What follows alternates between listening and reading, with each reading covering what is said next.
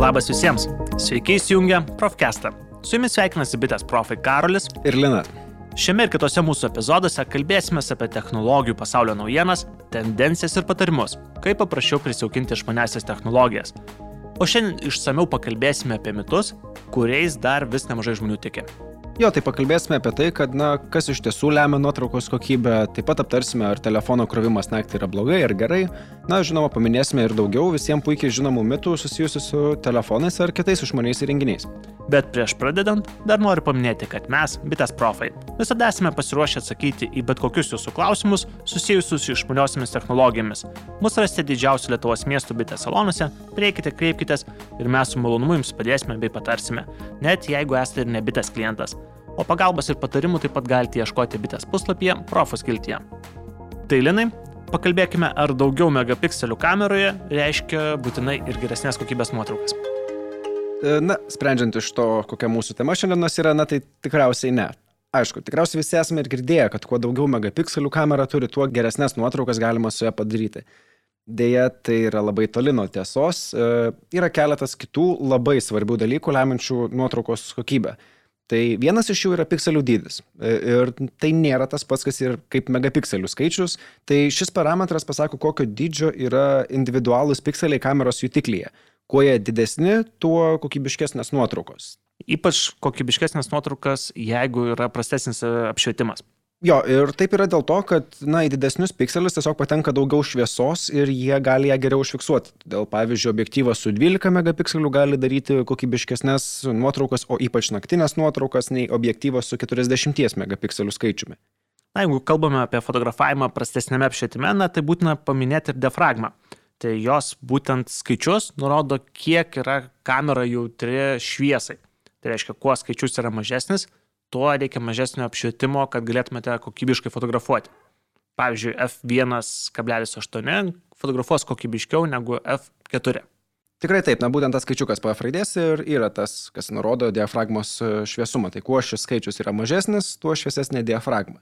Kuo šviesesnė diafragma, tuo daugiau šviesos patenka į objektyvą. Na, o kaip, kad jau neseniai minėjom, tai kuo daugiau į objektyvą patenka šviesos, tuo kokybiškesnės nuotraukos, na ypač sudėtingo apšvietimo sąlygomis.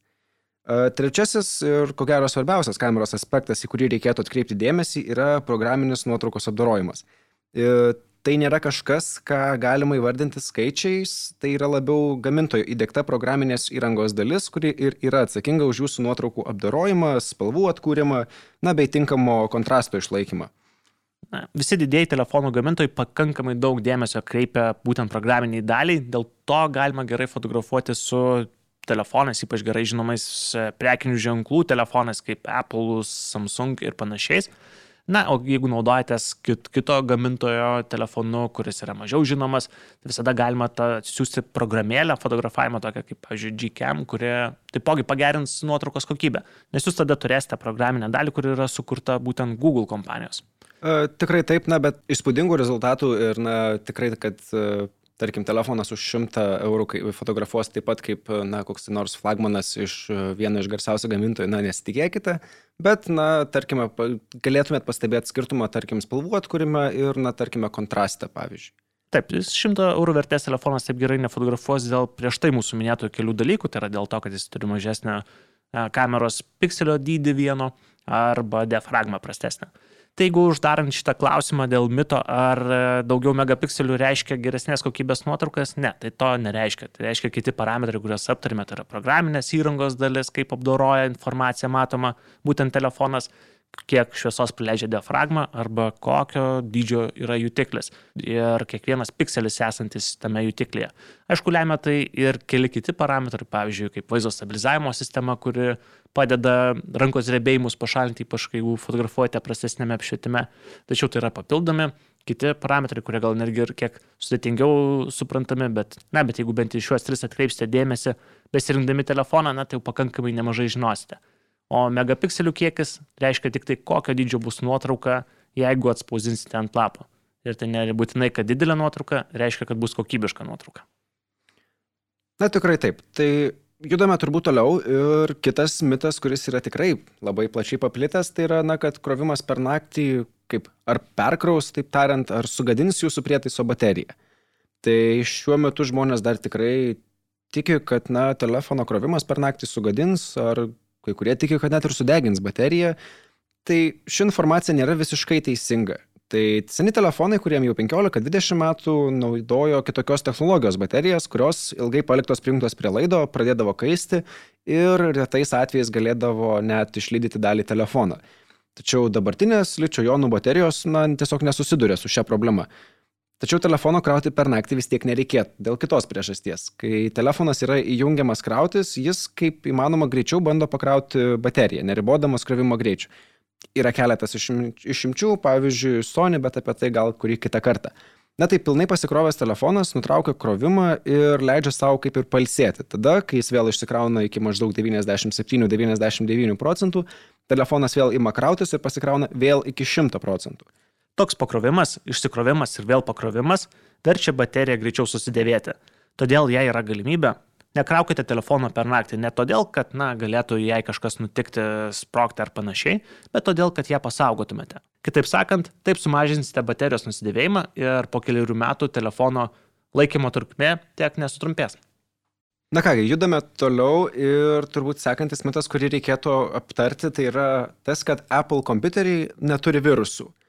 Šis mitas yra gan plačiai paplitęs iš tikrųjų, tai tikriausiai visiems yra tekę girdėti, kad na, šie kompiuteriai neturi virusų ir yra vos ne patys saugiausi. Deja, nuvilsiu šių kompiuterių fanus, tai nėra tiesa. Taip, Apple kompiuteriai yra saugesni nei daugelis kitų, bet tai yra ne dėl kažkokios juos įrašytos apsaugos ar tai, kad tiesiog juos neįmanoma įrašyti viruso. Na, už Apple kompiuterių saugumo vartotojai gali dėkoti tik tai savo patiems. Kuriant virusą kompiuteriui ar, tarkime, telefonui, yra atsižvelgiama į tai, kiek įrenginių jis galės pasiekti, na ir užkrėsti. Ir kadangi Apple kompiuteriai sudaro mažumą visų esamų įrenginių, ypač lyginant na, su Windows operacinę sistemą turinčiais kompiuteriais, jiems kurti virusus tiesiog na, nelabai apsimoka. Jo, tačiau tai nereiškia, kad jų nėra. Visada atidžiai paskaitykite, kokį failą atsisunčiate bei iš kur jį gaunate. Ir, na, taip pat svarbu atkreipti dėmesį į tai, kokių būtent prieigų reikalau, reikalauja programa, kurią norite įrašyti. Na, tai pavyzdžiui, jeigu vaizdo pokalbių programa reikalauja prieigos prie jūsų, na, tarkim, kameros, kompiuterio ar mikrofono, tai yra viskas ok. Jeigu jinai reikalauja kokio nors specialių prieigų prie, tarkim, jūsų kietojo disko ar kokių nors kitų sisteminių programų, uh, na tai tikrai gerai pasiskaitykite tos programos aprašymę, kodėl būtent jai to reikia. Visiškai taip. Iš tikrųjų reikia būti samoningiams ir ne tik atsisiunčiant programas, bet ir aplamai naudojantis internete ir ypač tose vietose, kur naudojate savo asmeninius duomenis, kam žiūrėkite, patikite juos. Bet jeigu kalbėtume toliau apie mitus, tai dar vienas yra pakankamai egzistuojantis mitas, kuris jau kaip ir nebeturi pagrindo, na, iškart išduodu, kad įrenginį reikia pilnai iškrauti prieš pradedant jį krauti. Jo, tai šio mito pradžia šiaip yra tokia pati kaip ir su telefonų krovimo per naktį. Jis atėjo iš tų laikų, kai telefonai na, naudojo senesnės technologijos baterijas. Šiuo metu patartina yra pilnai neiškraudinėti telefono dėl tos pačios priežasties, kodėl nereikėtų jo krauti per naktį. E, specialiai iškraunant telefoną iki 0 procentų, jūs tiesiog bereikalo švaistote baterijos pasikrovimo ciklų rezervą, taip tiesiog trumpindami savo baterijos laikymą. Na, jeigu norite, kad kuo ilgiau laikytų jūsų įrenginio baterija, na, lik tai būtų naujas jūsų įrenginys, tai reiktų stengtis pradėti įrenginį krauti, kai lieka ne mažiau negu 30 procentų baterijos, na ir krauti ne iki daugiau negu iki 80. Tikrai taip. Na, sekantis e, mitas, kur, kuris turbūt na, yra vienas iš populiariausių, tai yra telefonas ryžiuose. E, tikriausiai pirmas mitas buvo tai, kurį aš išgirdau savo gyvenime ir, na, tikriausiai ne aš vienas. E, logika paprasta, e, įmetus telefoną į vandenį reikia kuo greičiau dėti į ryžius ir, na, ryžiai sugers drėgmę ir telefonas bus sveikas. Deja, taip nėra. E, įmetus telefoną į vandenį, protingiausias dalykas, kurį galite padaryti, tai yra išimti iš jo bateriją. Žinoma, jeigu telefonas turi išimamą bateriją, na, arba bent jau kuo greičiau išjungti prietaisą nes į įrenginio vidų patekęs vanduo gali na, labai greitai sukelti trumpą jungimą, taip iš esmės sugadindamas visą telefono pagrindinę plokštę, kas tikriausiai yra vienas iš brangiausių jo, jo komponentų. E, na, nuo trumpo jungimo ir perdegusių saugiklių dėja jokie ryžiai jau nebeišgelbės. E, jei visgi įmetėte savo telefoną į vandenį ir jis per kelias dienas neatsigavo, na, tai jau siūlau kreiptis į autorizuotą servisą dėl remonto. Tačiau yra keletas išimčių. Jeigu vandens pateko tik tai ant telefono paviršiaus ir nepateko į vidų, tai įdėjimas į ryžius galėtų visai padėti. Tokiu atveju mažesnė tikimybė, kad vanduo prasiskarptų į vidų, bet bent kokiu atveju, jeigu tik tai sušlapo, telefoną būtinai išjungkite.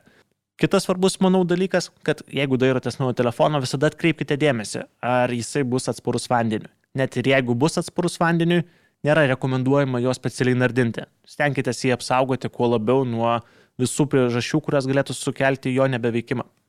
Na tikrai taip, savo na, įrenginius visgi siūloma pasaugoti.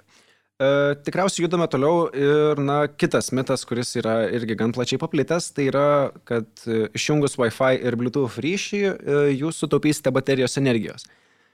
Na, kaip ir su visais praeitais, tai dėja nėra tiesa. Čia taip pat mitas, kuris, na, kaip ir paremtas logika, juk kai jungtos papildomos ryšio antenos, jos naudoja daugiau energijos.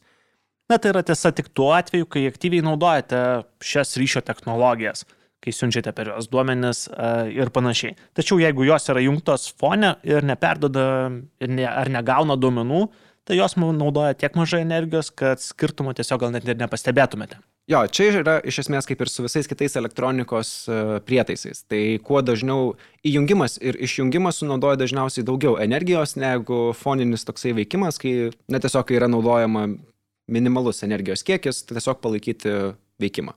Tačiau jeigu kažkurio iš šių ryšių visiškai nesinaudojate, na, tarkime, Bluetooth ryšiu, tai galite jį išjungti ir nelaikyti fonė įjungto tam, kad, na, net ir minimaliai neapsinaudotų energijos. Bet jeigu dažnai jungsite ir išjungsite, na, tikėtina, kad taip sunaudosite ir daugiau energijos, negu paliktumėte visada įjungtą. Na tai Karoli, manau, kad telefonų mitus aptarėme gana išsamei, o mūsų laikas jau kaip ir baigėsi, todėl metas atsisveikinti. Ačiū klausytojams, tikimės, kad padėjome geriau suprasti, kas yra mitai, o kas yra tiesa. Na ir kaip visada, prieš pat atsisveikinant, dar kortelį norėčiau priminti, kad mes, bitės profai, visada esame pasiruošę atsakyti į bet kokius jūsų klausimus susijusius su išmaniosiamis technologijomis. Mūsų rasite didžiausių Lietuvos miesto bitės salonuose, priekite, kreipkitės ir mes su malonumu padėsime bei jums patarsime, net jeigu esate ir ne bitės klientas. Pagalbos ir patarimų taip pat galite ieškoti bitės tinklapyje Profus kiltie. Tai ačiū Linai, tau dar kartelį. Ačiū Karoli. O klausytėms sakom iki kitų kartų. Ačiū, kad klausėt. Iki.